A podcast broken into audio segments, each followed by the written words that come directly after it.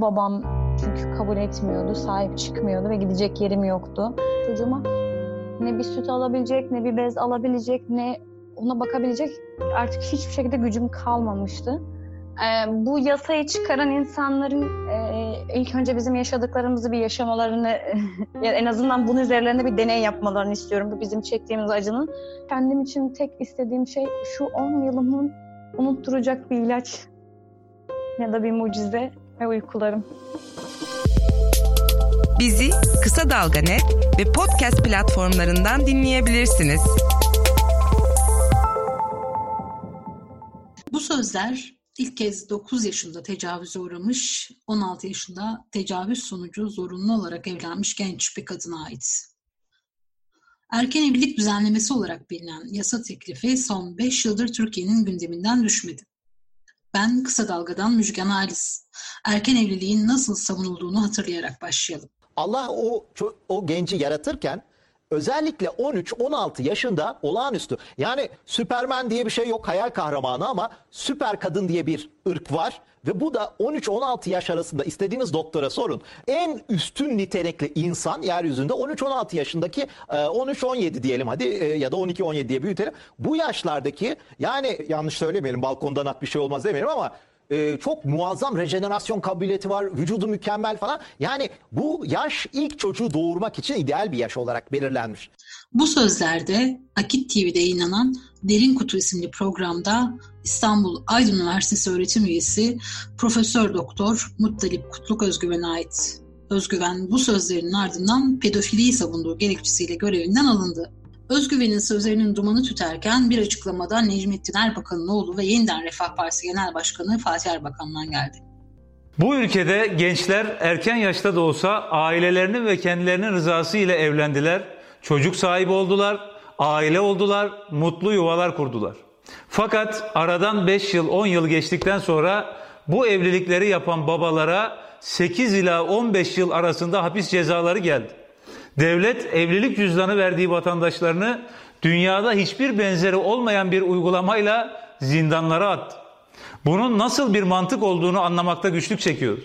Hanımların resmi olarak eşi olan, çocuklarının babası olan kişiler çocuk istismarcısı diye çok ağır bir suçlamayla hapse atıldılar. Türkiye'de erken yaşta da olsa karşılıklı rızaya dayalı cinsi münasebete yani zinaya ve evlilik dışı birlikteliklere ceza verilemez. Fakat bu Allah'ın emri, peygamberin sünneti olan evlilik yoluyla yani helal dairede meşru bir şekilde meydana geldiğinde ise 8 ila 10 yılı bulan hapis cezaları veriliyor. Yasa teklifi yine gündemde ve gelecek günlerde mecliste sunulacağına dair beklenti var. Hükümetin hazırladığı çocukların cinsel istismar suçuna ilişkin yasa teklifine göre 10 Nisan 2020'den önce evlenmiş olanlar belirlenen 5 kriteri birlikte taşıması halinde tahliye edilecek ve 5 yıl evlilik almak şartıyla yaptırımlardan kurtulacak. Peki bu kriterler neler? Şöyle sıralanıyor. Suçun cebir, tehdit, hile veya iradeyi etkileyen başka bir neden olmaksızın işlenmesi, 10 Nisan 2020 tarihi itibariyle mağdur ile failin evlenmiş olması, suçun işlendiği tarihte failin başka biriyle evli olmaması, mağdurun şikayetinin bulunmaması, suçun işlendiği tarihte mağdurun 14 yaşına girmiş olması ve mağdur ile fail arasında 15 yıldan fazla yaş farkının bulunmaması. 2016'da kadın örgütlerinin büyük tepkisi sonucu geri çekilen yasaya ilişkin Cumhurbaşkanı Tayyip Erdoğan aslında bu günlerin geleceğinin işaretini 4 yıl önce vermişti. Son günlerde yoğun bir şekilde tartışılan yasaların izin verdiği yaşın altındaki evliliklerle ilgili düzenleme vesilesiyle gündemimizde yeniden öne çıktı. Hükümetimize ve meclisimize hatta toplumumuza söz konusu kanun değişikliğinin mevcut haliyle çıkartılması yerine daha geniş bir mutabakatla ele alınmasını tavsiye ettim. Hükümetimiz de bu doğrultuda gereken adımları atarak değişiklik teklifinin geri çekilmesini kararlaştırdı. İnanıyorum ki geniş mutabakatla yeniden parlamentomuza gelecektir. Yani AKP 2016 yılından beri sistematik olarak çocuk yaşta zorla ve erken evlendirmelerin önünü açacak, çocuk istismarını meşrulaştıracak bir takım yasal değişiklikleri hayata geçirmeye çalışıyor. Bu yolda ilk olarak 2016 yılında torba kanunu çocukların cinsel istismarına ilişkin cezayı düzenleyen TCK'nın 103. maddesinin 1. ve 2. fıkralarına 12 yaş ayrımı getirildi. Buna göre 12 yaş altındaki çocuklara yönelik cinsel istismar suçlarına ağırlaştırılmış cezalar verilecek. Ancak 12 yaş sınırının neye göre belirlendiği ise kamuoyuyla paylaşılmadı. Hukukçulara göre şu anda çıkarılmak istenen yasa 15 yaş altı kız çocuklarına karşı işlenen cinsel istismar suçundan hüküm giyen failleri de kapsıyor. Yani 12 yaşında bir kız çocuğunun 27 yaşındaki bir erkekle evlendirilmesi cezasızlıkla sonuçlanacak. 2005 yılında yeni TCK hazırlanırken tecavüz mağduruyla evlenmesi durumunda failin cezasız kalması maddesi kadınların mücadelesiyle kaldırılmıştı ancak şimdi 2020 yılında iktidar yine aynı noktaya dönmek, bugün çocuk yaşta evlilikleri meşrulaştırmak için çocuklarla evlenen kişilere verilen cezaları affettirmek istiyor. Ama bütün bunlar olurken bakalım istatistikler ne söylüyor? Ee, önce TÜİK verilerine bakalım. TÜİK'e göre 2014'te 74.064 olan cinsel istismara uğrayan çocuk sayısı 2016'da 83.552'ye yükselmiş. Yine Adli Sicil ve İstatistik Genel Müdürlüğü verilerine göre ise 2006'da çocuk cinsel istismar hükümlerinin yüzdesi 42.5 iken bu oran 10 yıl sonra 2016'da 58.8'e çıkmış. İstanbul Barosu'nun da bu konuda verileri var. 2018 ila 2019 yılları arasındaki soruşturma aşamasında avukat gönderilen 12 e, yaş altı 2647 mağdur kız çocuğunun ise 1053'ü cinsel istismara uğramış.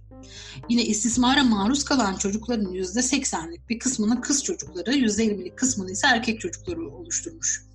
Mağdur kız çocuklarının %50 kısmı 12-15 yaş arasındayken mağdur erkek çocuklarının %55'lik kısmı ise 12 yaşın altında. 2019 yılında ise Baro cinsel istismara maruz kalan 2562 çocuk için avukat görevlendirmiş. Mağdur çocukların %85'i kız çocuğu, %45'i ise 12-15 yaş arasındaki çocuklar. Peki bütün bunlar olurken Türkiye Büyük Millet Meclisi Araştırma Komisyonu'nun 2018 tarihli taslak raporu ne diyor? Bu rapora göre ergen yaş grubunun %9.6'sı evli. Yine bunu güçlendiren bir veri de Adalet Bakanlığı'ndan geldi. 2018'de 16 yaşında evliliğe izin verilmesi için 13.651 dava açıldığını bizzat bakanlık açıkladı. Sadece bu rakamlar değil, doğum istatistikleri de bu verileri doğruluyor. TÜİK'in 2001-2018 yılları arasındaki istatistiklerine göre 17 yaş altı çocuklarla doğum sayısı 542.821. Bu çocukların 20.392'si ise 15 yaşından daha küçük. Yine aynı verilere göre 2018'de 15 yaşından küçük 167 çocuk, 15 ila 17 yaş arasındaki 11.650 çocuk doğum yapmış. Bu veriler ve hatırlatmalardan sonra sizi podcast'in başında tanıştığınız İstanbul Avcılar'da oturan genç kadın hikayesiyle baş başa bırakalım. Çocukken yaşadığı tecavüzler, 16 yaşında tecavüz sonucu zorlandığı bir evlilik, ardından yıpratıcı bir boşanma süreci, yalnız bir annelik, işsiz ve parasız bir hayat ve şimdi bunlara eklenen kanserle mücadele. Şimdi belediye yardımıyla geçiniyor ve oğluyla hayatta kalmaya çalışıyor. Tecavüz sonrası oluşan hamilelik nedeniyle evliliğe evet demiş ama bunun bir de sonrası var. Evlilik süreci sonrasında işte ailesi işte annesi vesaire işte çocuk çocuğun e, eşimden eski eşimden olmadığını iddia ederek türlü işkenceler, türlü hakaretler, evden kovmalar, hamileyken aç bırakmalar. Eski eşim zaten ciddi anlamda alkol alıyordu ve kumar oynuyordu. Sürekli her gün eve geldiğinde şiddet. E, belli bir dönem 3 yıl 3 yıl evli kaldım zaten. O 3 yılda da e, neredeyse 3 yılın tamamı çocuk şubede geçti. Sürekli şikayet, sürekli karakol, sürekli hastaneler ama e, bir sonuç alamadım. Bütün sonunu göremeyen kadınlar gibi babam çünkü kabul etmiyordu, sahip çıkmıyordu ve gidecek yerim yoktu. 18 yaşına geçtiğim için de devlet koruma altına almadı. Karakola geliyordum, şikayet ediyordum ve komiser işte O gün bir şeyler söylüyordu. Ertesi gün barıştırıp geri gönderiyor. Ertesi gün barıştırıp gönderiyor. Üç yıl bu şekilde sürdü. Üç yılın sonunda artık şiddetin boyutu artmaya başladı yani.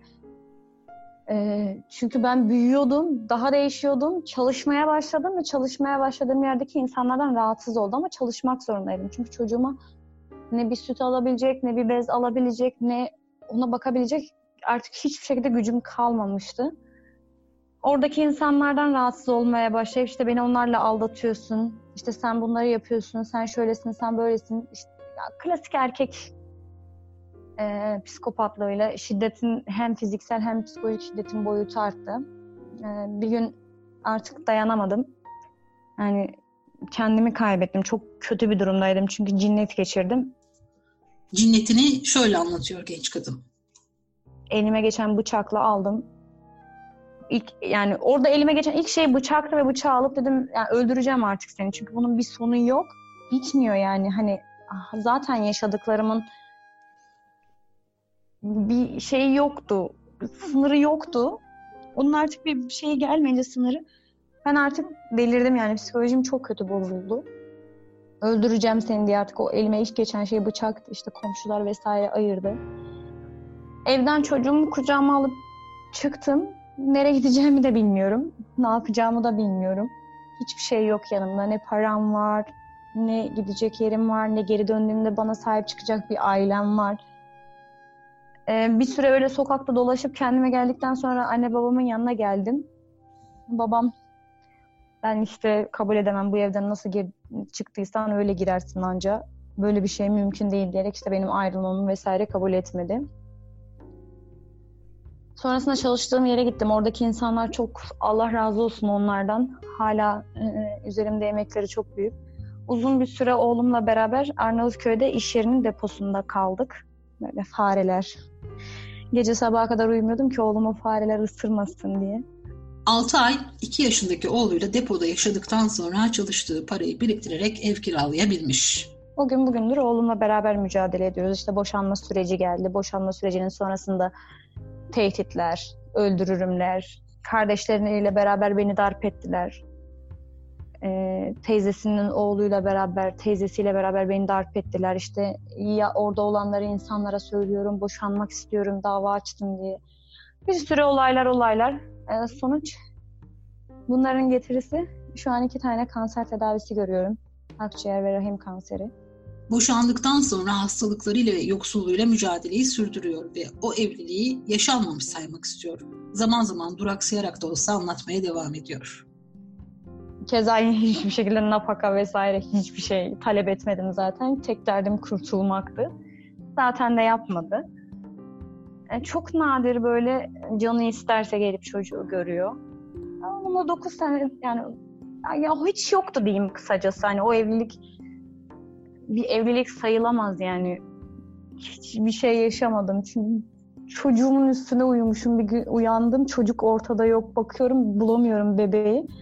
Hani baktım üstüne uyumuşum orada Allah'ım o kadar kötüydü ki o kadar korktum bir şey olacak diye kendim çocuğum ve onun yani onu korumaya çalışmak da ayrı bir Şimdi erken evliliğe e, affın gündeme gelmesine dair ise çok tepkili. Şunları söylüyor.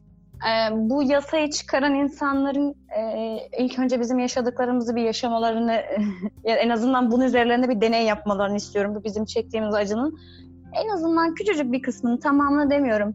Buna psikolojileri yetip kaldırabilecekler mi acaba ki böyle bir yasaya kendilerine bunun suç olmadığına ya da suç olmayacağına karar verebiliyorlar? Bunu hangi akıl, akıl ve mantıkla karar verebilirler ki? Onlar benim yaşadığımı üçte birini yaşasalar acaba bu kadar sağlıklı kalıp bir çocuk yetiştirebilirler miydi? Nasıl böyle kabul edilemez bir şey ya? O, onun o travmayı onlar atlatmıyor ki. O atlatamıyorsunuz yani. Hayata normal bir şekilde devam edemiyorsunuz. Bence bunu yapmak isteyenlerin ilk önce kendilerinde e, bunun üzerlerinde bir denemeleri lazım. Adını gizli tuttuğumuz genç kadına son olarak hayallerini soruyorum. Uyumak diyor, çocukluğum diyor, eğitimim diyor, yarıda kalan ukdelerim diyor. Hayalim bu çok zor bir şey ama yani çocukluğumu yaşamak istiyorum. eğitimimi devam ettirmek istiyorum.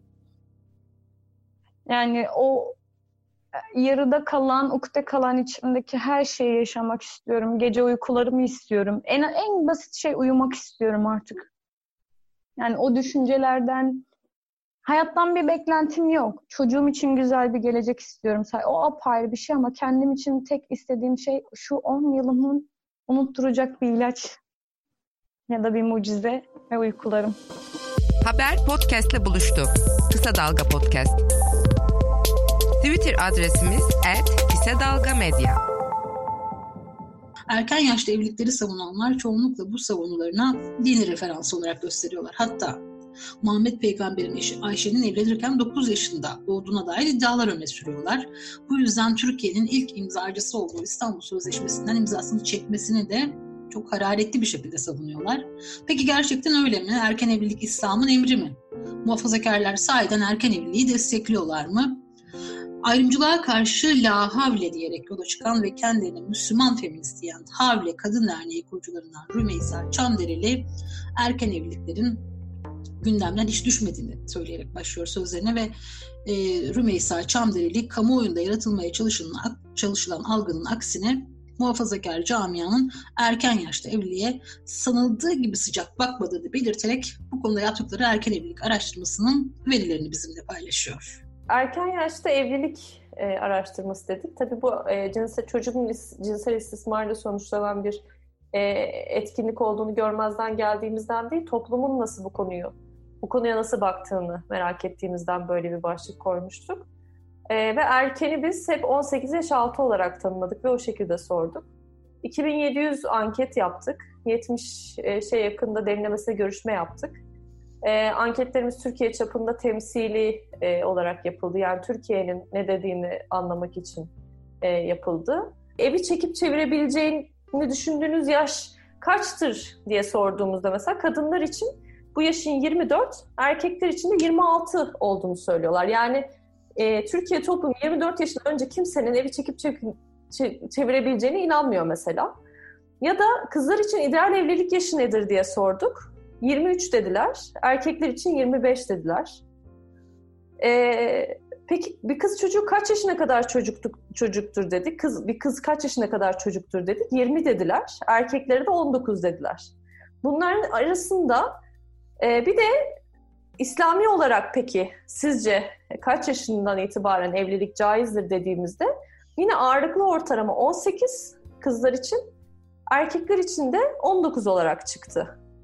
Burada e, 18 yaşın altında cevap verenlerin oranı e, oldukça düşük bir rakam. Mesela 9 yaş diyebilirsiniz Hazreti Ayşe'nin yaşıyla da özdeşleştirerek e, bunu savunan e, bazı sapkın fikirler var. Ki Hazreti Ayşe'nin 9 yaşında evlenmediği konusunda da birçok veri olmakla birlikte. Mesela bunu ankette cevaplandıran, 9 yaş olarak cevaplandıran oranı sadece %1. Hatta bu biraz yuvarlanmış bir rakamdı, 0.7 olarak hatırlıyorum. Yani aslında çok marjinal bir grubunu oluşturuyor. Havle Derneği'nin 2019 yılının Aralık ayında yaptığı araştırmada ulaştığı rakamsal veriler ise şöyle. Rümeysa Çamdereli anlatıyor. Mesela katılımcıların %46'sı 21 ila 24 yaş arasında e, yaş değerleri bizimle paylaşmış. E, bunu değer olarak 25 yaş tek başına %32'lik bir yüzdeyle karşılıyor. Sonrasında da onu %26'lık bir yüzdeyle 20 yaş devam ettiriyor. Yani gerçekten çok yüksek. Rakamlar bunları gösterirken kamuoyunda sanki bütün Müslümanların bunu savunuyormuş gibi gösterilmesine dair ise Rümeysa Çamdereli İslamcılık belası tespitini yaparak bu kesimlerin toplumu temsil etmediğini vurguluyor ve sözlerini şöyle sürdürüyor. Biz bunu arkadaşlarımızla konuştuğumuzda bunun bir e, bir İslamcılık belası olduğunu düşünüyoruz. Doğru telaffuz edebilirim umarım. Çünkü bu e, ideolojik, Türkiye'deki ideolojik İslam ve İslam'a bakış e, ve olayları sistematik ve mekanik bir şekilde ele alma te- tecrübesi e, Türkiye toplumunun Müslümanlığa bakışını hep gölgeledi. Yıllardır da gölgeledi. Hep biz işte bu yüzde ellilerle temsil edilen iktidarın kendisini konumlandırdığı İslami söylemde %50'nin birbiriyle aynı şeye inanıyormuş gibi davrandık. Ama aslında öyle değil. Araştırmamız da onu gösteriyor. Aslında dindarlıkla ilgili, Türkiye dindarlığı ile ilgili yapılan birçok çalışma da bunu gösteriyor.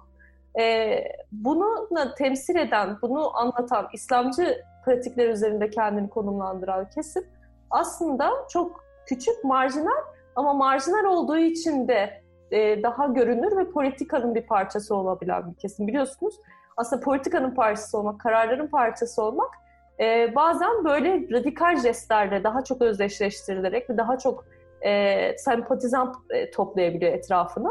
Ama finalde insanların gündelik hayatlarına baktığınızda, gündelik anlayışlarına baktığınızda bunun böyle olamay olmayabildiğini e, görebiliyoruz. O yüzden aslında kim yani oy verdikleri şeyle ya da destekledikleri şeyle insanların gündelik hayatta pratik yaptıkları şey arasında mesafe var. Araştırmada çarpıcı sorulardan biri de katılımcıların kendi kızlarına dair sorulan soru. Bakalım nasıl yanıtlar almışlar. Evlilik meselesine dair sorduğumuz bir soru vardı. Bir kızınız olsa ya da varsa kızınızı 18 yaşından önce evlendirir misiniz diye sormuştuk. Orada %91.8 evlendirmeyeceğini söylüyor. 7.1 de emin değilim diye bir ifade kullanıyor. Yani %91.8 tabii anketlere böyle sorularda hep hayır denir yani olur mu evlendirmem denir anketörle karşılaştığınızda.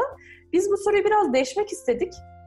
Peki e, mesela kızınız evlilik dışı cinsel bir ilişkide bulunsa evlendirir miydiniz diye sorduğumuzda evlendirmem diyenlerin oranı %66.1'e kadar düştü.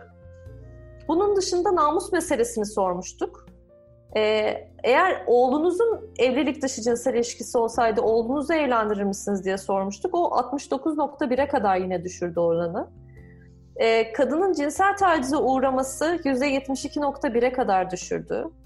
Ee, aile baskısı %78.2'ye kadar düşürdü ve ailesinde eğer ekonomik sorunlar varsa diye sorduğumuzda %81'e kadar sadece düşürebildi. Yani aslında buradan gördüğümüz evlilik dışı cinsel ilişki bu konudaki en kritik ve namus meselesi en kritik şeylerden bir tanesi.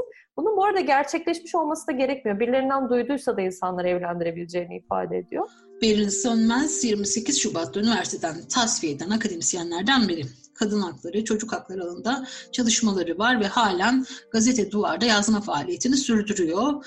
Ee, Beril Sönmez de bir Müslüman feminist ve erken evliliğe ilişkin iktidarın hazırlıklarına yönelik yekten çocuk istismarı diyerek başladığı sözlerini şöyle sürdürüyor. Valla bu çocuk istismarı tabii ki. Özellikle TCK 103 kapsamına giriyor. 15 yaş altı çocuklarla ilgili bir düzenlemeyi düşünüyorlar. Ve bu kesinlikle 15 yaş altındaki çocuklarla her türlü cinsel ilişki çocuğun cinsel istismarıdır. Bunun başka bir isim verilmesi gerçeği değiştirilmiyor, değiştirmiyor. Evlilik densin, e, bu gerçeği değiştirmiyor. 15 yaş altı çocuğun rızası söz konusu olmayacağı için e, erken ya da zorla gibi bir ayrıma girmeye de gerek yok. Doğrudan doğruya çocuğun cinsel istismarı diyorum ben buna sosyal medyada ve iktidara yakın medyada erken yaşta evlilik mağduru adı altında e, grupların oluştuğuna da dikkat çeken Sönmez bu grupların sosyal medyada çok aktif olduğunu, siyaseti etkileme yönünde de çok mahir olduklarını hatta çeşitli partilerden politikacılara kadar ulaştıklarını söylüyor ve çocuğun cinsel ismarının suç olmaktan çıkarılmasının kabul edilemez olduğunu vurguluyor ve sosyal medyada çok aktifler. E, siyaseti etkilemek yönünde e, çok mahir olduklarını görüyoruz. İkide bir e, çeşitli partilerden politikacılar çıkıp mağdurlar, işte e, bir cahillik etmiş çocuklar, e, affedelim gitsin minvalinde konuşuyorlar.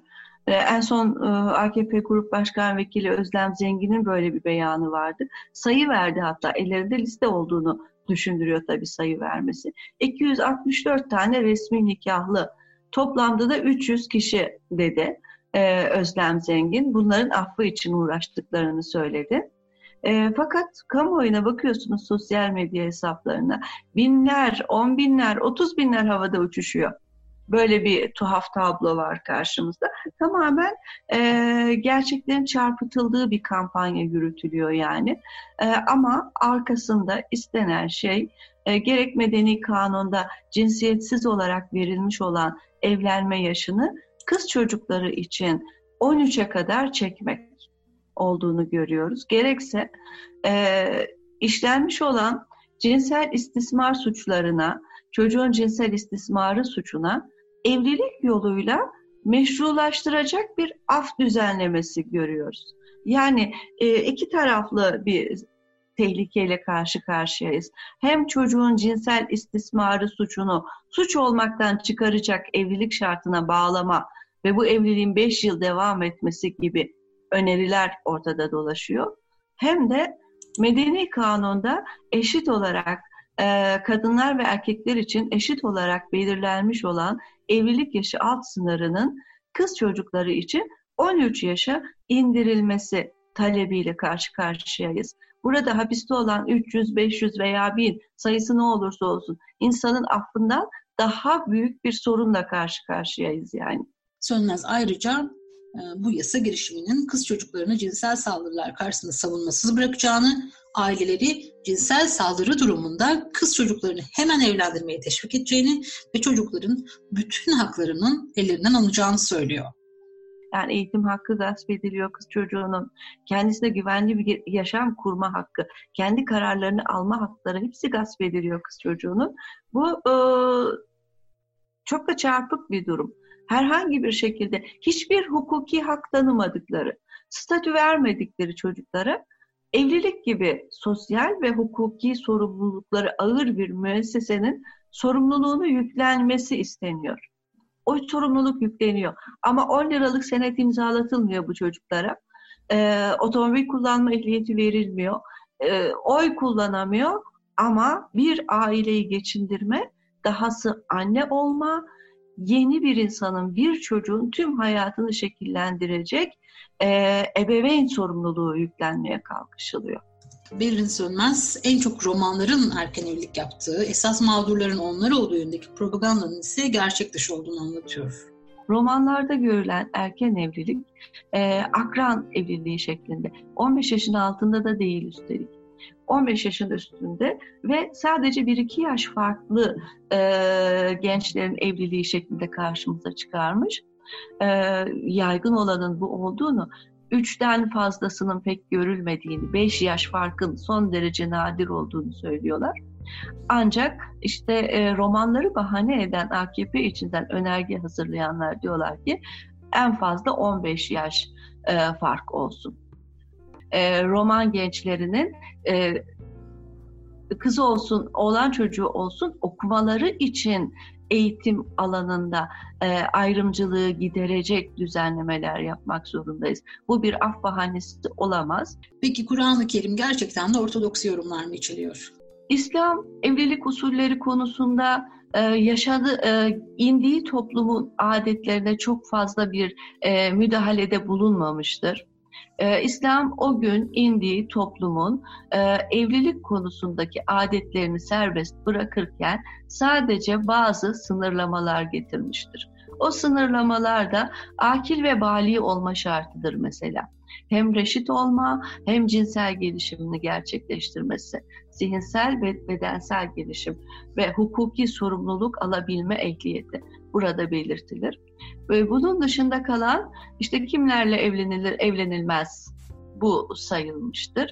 E, ama ötesinde bir değişiklik yapılmamıştır. Yani Ortodoksi din yorumları dediğimiz dinin evlilikle ilgili usullerini değil, dinin indiği çağın şartları içerisinde Arap Yarımadası'nda yaşanmakta olan evlilik geleneklerini sanki din hükmüymüş gibi sunarlar topluma. Biz buna itiraz ediyoruz. Haber podcastle buluştu. Kısa Dalga yayında. Bizi Kısa Dalga Net ve podcast platformlarından dinleyebilirsiniz.